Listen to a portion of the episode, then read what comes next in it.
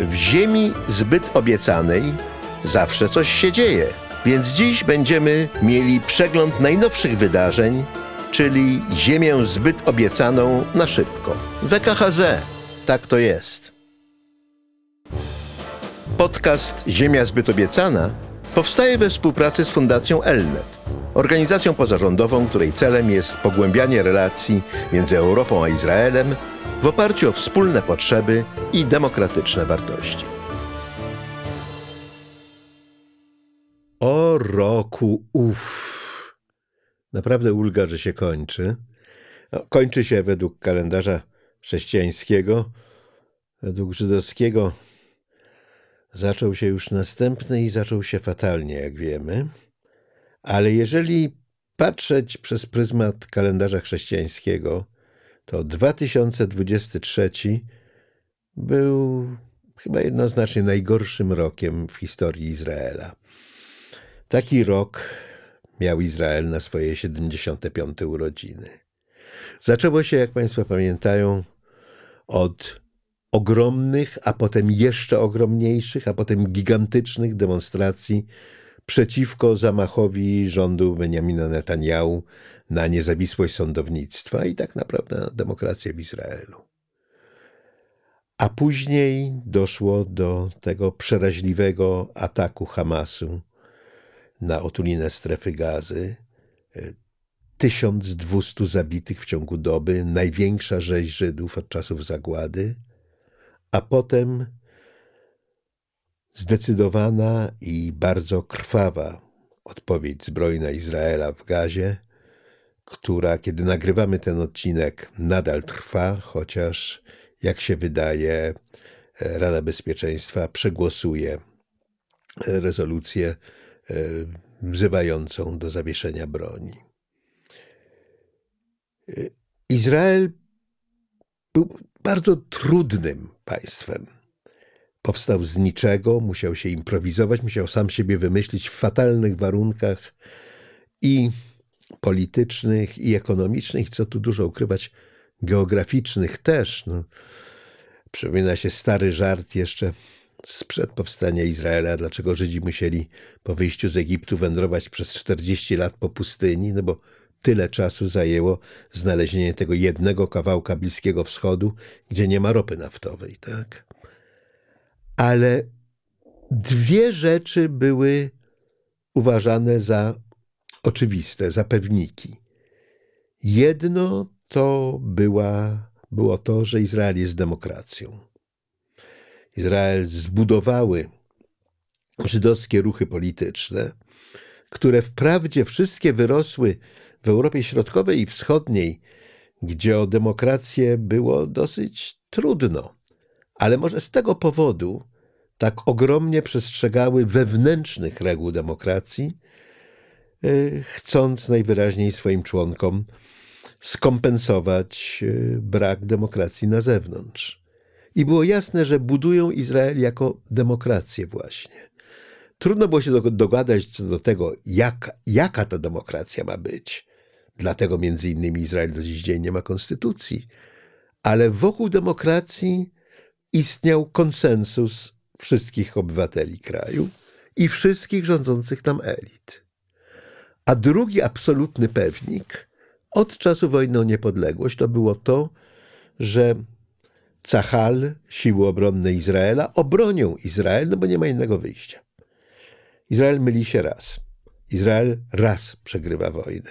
Nigdy już nie będzie drugiej szansy. Oba te pewniki rok 2023 w sposób dramatyczny podważył. Na demokrację izraelską zamachnęli się nie terroryści, nie ekstremiści, ale rząd.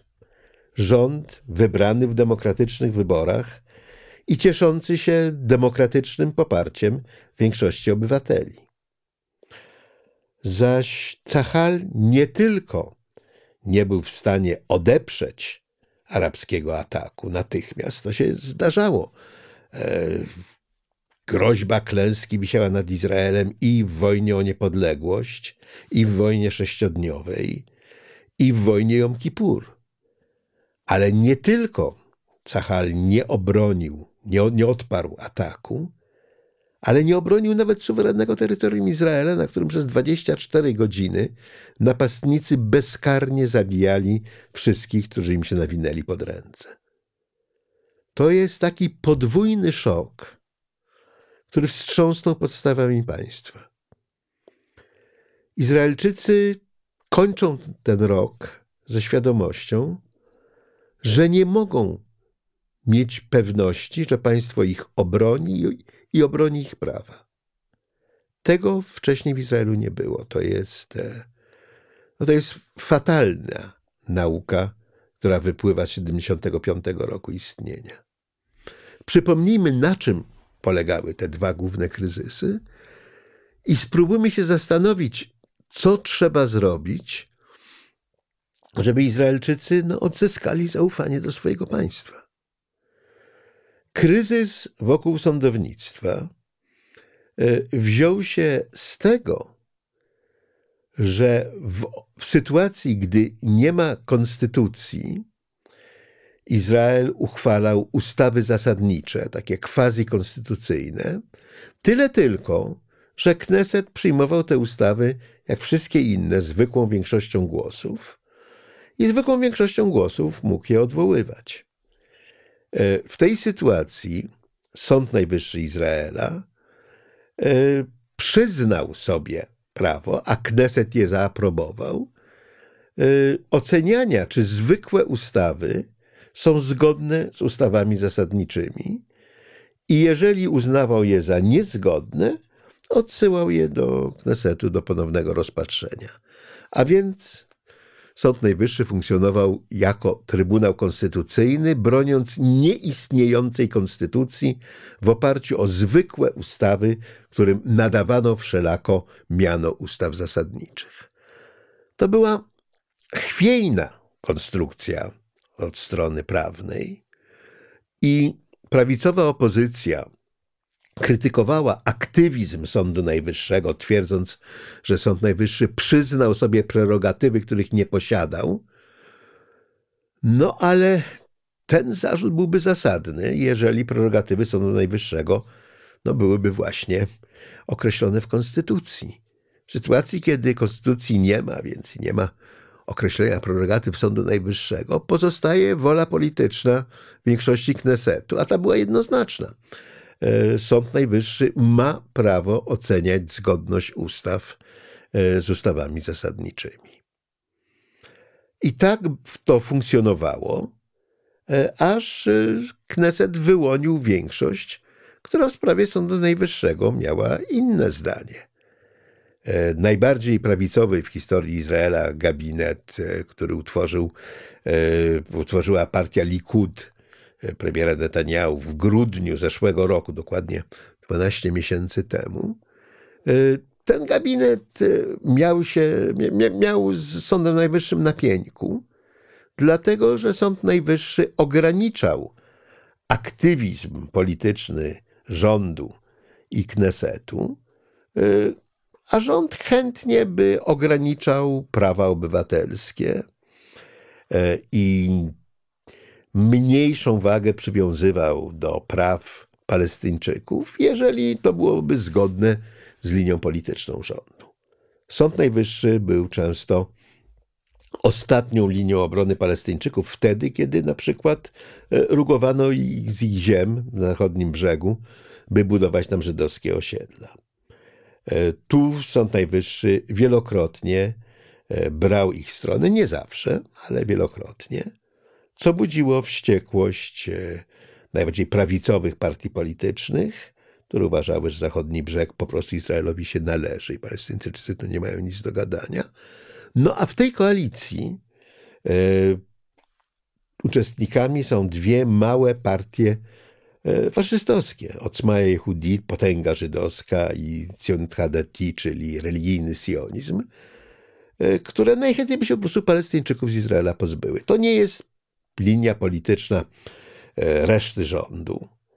E, ale na pewno bez tych dwóch partii koalicja nie miałaby większości i ich opinie w sprawie tego, co Sądowi Najwyższemu wolno, a nie, nie wolno, no, miały nieproporcjonalne duże znaczenie, bo od ich poparcia zależy los koalicji. Natomiast generalnie rzecz biorąc, i tutaj to już była opinia większości koalicji, Sąd Najwyższy przyznawał sobie zbyt wiele praw w kwestiach, które powinny być suwerenną decyzją rządu. Na przykład Sąd Najwyższy żądał zniesienia przywilejów, jakimi się cieszy młodzież ultraortodoksyjna, która nie jest na mocy decyzji rządowych e, powoływana do wojska i żądał zrównania w prawach e, z resztą młodzieży żydowskiej, co było nie do przyjęcia dla obu partii religijnych, które e, wchodziły w skład koalicji. Sąd Najwyższy uważał, że uprzywilejowanie Żydów w porządku parakonstytucyjnym Izraela nie jest zgodne z zapisami ustawy zasadniczej o godności ludzkiej, co było nie w smak Likudowi. Dość, że y, choć z różnych perspektyw panowała w koalicji zgoda, że ten Sąd Najwyższy należy ograniczyć. I pamiętajmy, tę koalicję, partię tej koalicji wybrała większość y, obywateli Izraela w demokratycznym głosowaniu. Tyle tylko, że wszystko to, na co koalicja chciała się zamachnąć, było dla drugiej połowy Izraela podstawą ich, ich tożsamości politycznej. To, co dla partii koalicyjnych oznaczało po prostu realizację programu, dla e, wyborców partii opozycyjnych oznaczało zamach na ich izraelskość.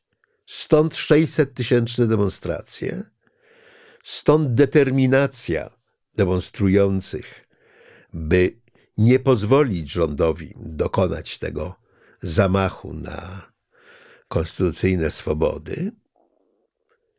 I ta determinacja uprzytomniła części wyborców na prawicy, jak daleko idące są pomysły rządu, i sprawiła, że także wyborcy prawicy stopniowo wycofywali swoje poparcie. Partie koalicji, które, partie, które utworzyły tę koalicję, nie szły do wyborów pod hasłem e, dokonamy zamachu na prerogatywy Sądu Najwyższego. Była mowa ogólnie o e, reformie systemu sprawiedliwości, która jest hasłem zawsze zasadnym. I nawet członkowie elektoratu prawicy uznali, że tutaj Netanyahu przesadził. Netanyahu, Jair Lewin, jego minister sprawiedliwości, utracili mandat społeczny nie tylko dlatego, że opozycyjna połowa kraju była przeciwna ich pomysłom, ale także dlatego, że coraz bardziej ich własni wyborcy e, stawali im okoniem. A mimo to brnęli e, w tą reformę z determinacją, godną lepszej sprawy i właściwie niewytłumaczalną, jeżeli by nie pamiętać o tym, że przecież sam premier ma konflikt z prawem, ma toczący się proces o korupcję, e, nadużycie zaufania, nadużycie władzy. I miał osobisty interes w tym, żeby się z systemem sprawiedliwości w Izraelu rozprawić. W końcu udało się koalicji przeforsować jedną zasadniczą zmianę ustawową, mianowicie e, zwolnienie rządu z obowiązku roztropności w podejmowaniu decyzji rządowych. Taki obowiązek na rządzie ciążył, a jeżeli Sąd Najwyższy uznawał, że rząd e, no, nie dochował wymogu roztropności, to mógł nakazać rządowi zawiesić, cofnąć decyzję, którą Sąd Najwyższy uzna za nieroztropną. Tu możemy powiedzieć, że to może być wręcz uważane za klasyczny przykład e, no, nadmiernej, nadmiernych prerogatyw sądu, gdyby nie to, że E, przykładem takiej nieroztropności było mianowanie na stanowisko ministra finansów polityka, e, który odsiedział najpierw wyrok za oszustwa, a potem e, miał sprawę sądową za oszustwa podatkowe i sąd odstąpił od wymierzenia kary tylko dlatego, że ten polityk złożył przed sądem obietnicę, że wycofa się z życia politycznego. Po czym stanął do wyborów. Jego partia znalazła się w koalicji rządzącej i z układanki koalicyjnej wynikało, że to on ma być ministrem finansów.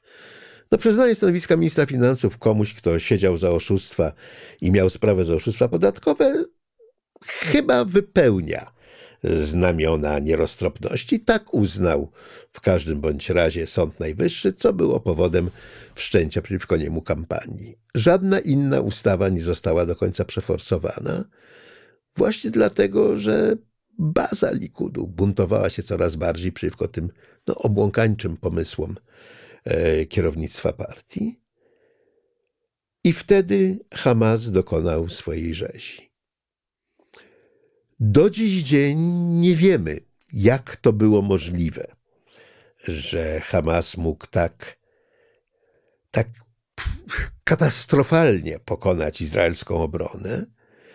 E, to wszystko będzie musiało czekać na komisję śledczą, która zacznie pracować, jak tylko wojna się skończy. Tak było po katastrofalnej wojnie Jom Kippur, ale tam w wyniku błędów armii ginęli żołnierze, tutaj w wyniku błędów armii ginęli cywile.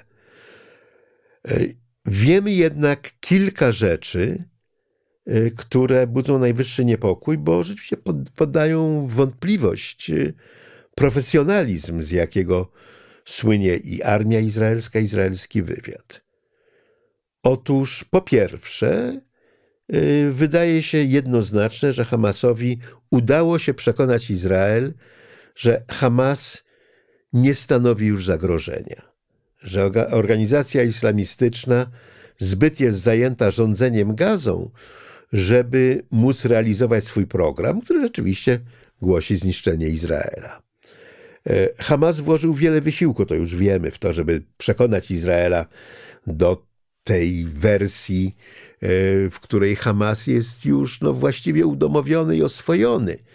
E, do tego stopnia, że e, Hamas wręcz udzielał Izraelowi informacji wywiadowczych e, przeciwko dżihadowi, innej organizacji islamistycznej aktywnej w strefie gazy, chcąc tym samym przekonać Izrael, że ma w Hamasie partnera, zaś rząd Netanyahu uważał, że jest w interesie Izraela, żeby to Hamas rządził gazą, ponieważ jego skuteczność rządzenia strefą osłabia autonomię palestyńską, e, tym samym udowadniając, że autonomia nie może być dla Izraela partnerem, no a Hamas tym bardziej nie może być partnerem, skoro głosi zniszczenie Izraela, a więc po stronie palestyńskiej nie ma z kim rozmawiać, a więc politykę ignorowania kwestii palestyńskiej można kontynuować. I to Netanyahu mówił na, na posiedzeniu Komitetu Centralnego swojej partii.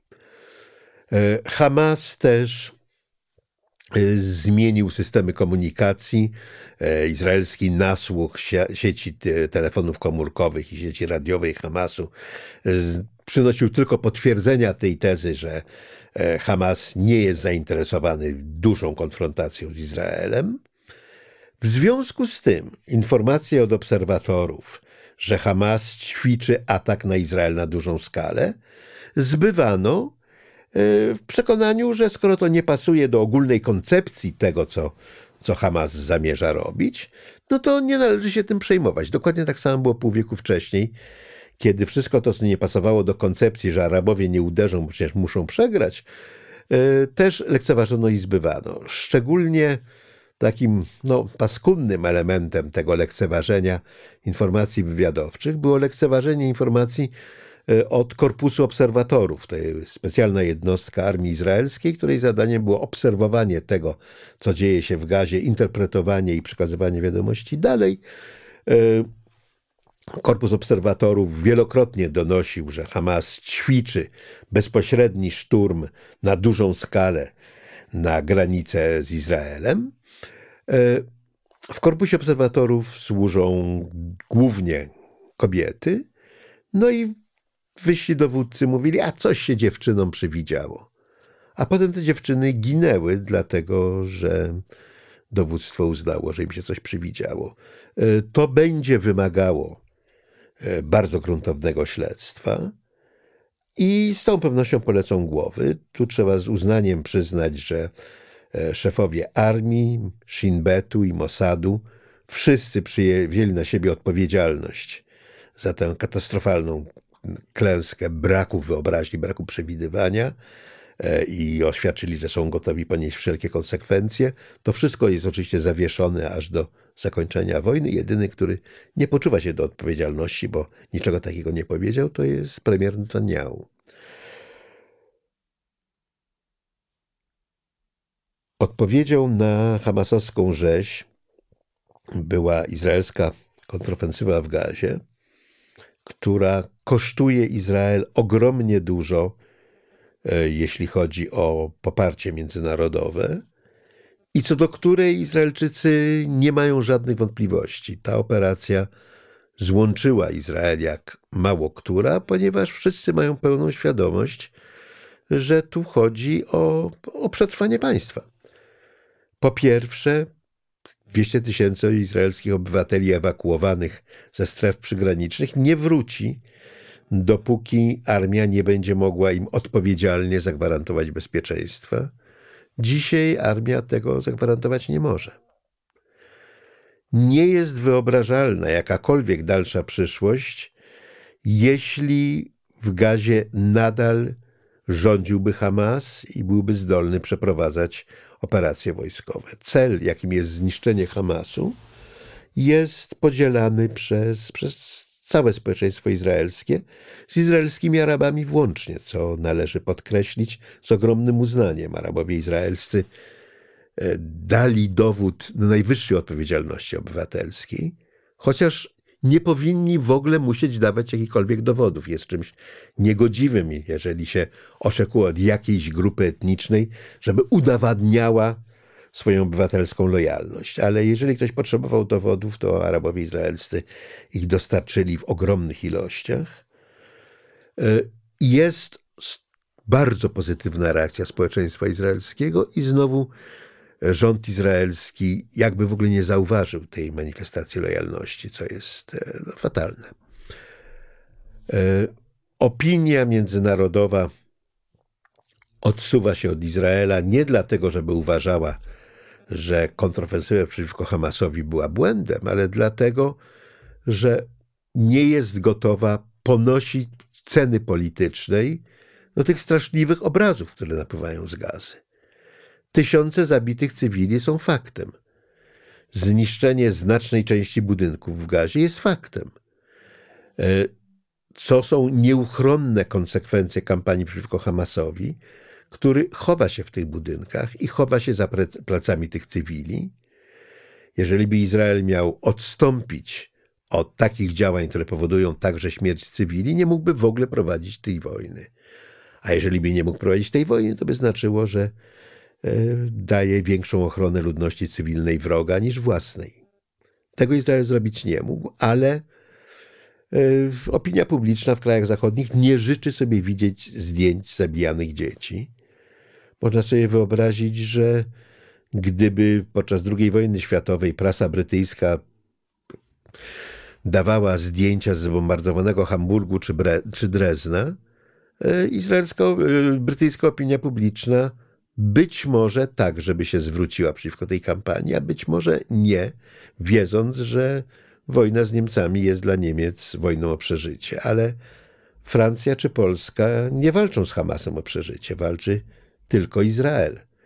A Francja i Polska po prostu nie chcą, żeby ich opinia publiczna się oburzała na Izrael, więc żądają do Izraela, żeby tych zdjęć nie było. Bardzo trudno jest o jakąś iskierkę optymizmu w tym podsumowaniu roku, ale można powiedzieć o przynajmniej trzech rzeczach. Po pierwsze, program wojny z wymiarem sprawiedliwości ewidentnie nie zostanie wznowiony, chociaż minister Jair Lewin, izraelski Zbigniew Ziobro, mówi coś innego. Ale bardzo wątpię, żeby w sytuacji, kiedy Likud stracił połowę wyborców, jak wynika z sondaży, e, partia miała ochotę nadal działać wbrew własnemu elektoratowi, nie mówiąc już o szerszej opinii publicznej. Po drugie, i to jest rzecz zdumiewająca, faszystom poparcie nie wzrosło. E, wojna, zwłaszcza taka wojna, jest z reguły znakomitą pożywką dla skrajnej prawicy, która żąda, żeby się wszyscy stawili w karnych szeregach i za przywódcą kroczyli, dopóki trwa wojna. A tutaj poparcie dla partii faszystowskich osłabło, a nie wzrosło. A więc Izraelczycy nawet w tej sytuacji no, skrajnej traumy narodowej nie stracili zdrowego rozsądku, instynktu samozachowawczego, za to, co im się należy najwyższe uznanie. Tak jak i to jest trzecia iskierka nadziei, najwyższe uznanie należy się izraelskim Arabom, którzy mając do wyboru poparcie swego demokratycznego państwa, nawet jeżeli to państwo często traktuje ich źle, i poparcie swych terrorystycznych rodaków, wybrali demokrację nad terroryzmem, a to nie jest łatwy wybór, kiedy w grę wchodzi też etniczna solidarność. Więc mamy te dwa czynniki. To, że Izraelczycy powstrzymali się przed ucieczką na skrajną prawicę i to, że izraelscy Arabowie powstrzymali się przed poparciem dla terrorystów borodacy, to pokazuje, że ludzie wbrew temu, co w ogóle widzimy wokół siebie, są w stanie zachowywać się racjonalnie, a nawet szlachetnie. No i obyśmy mieli w nadchodzącym roku więcej na to dowodów, bo ten, który szczęśliwie i w niesławie odchodzi w niepamięć, nas pod tym względem nie rozpuszczał. Do usłyszenia.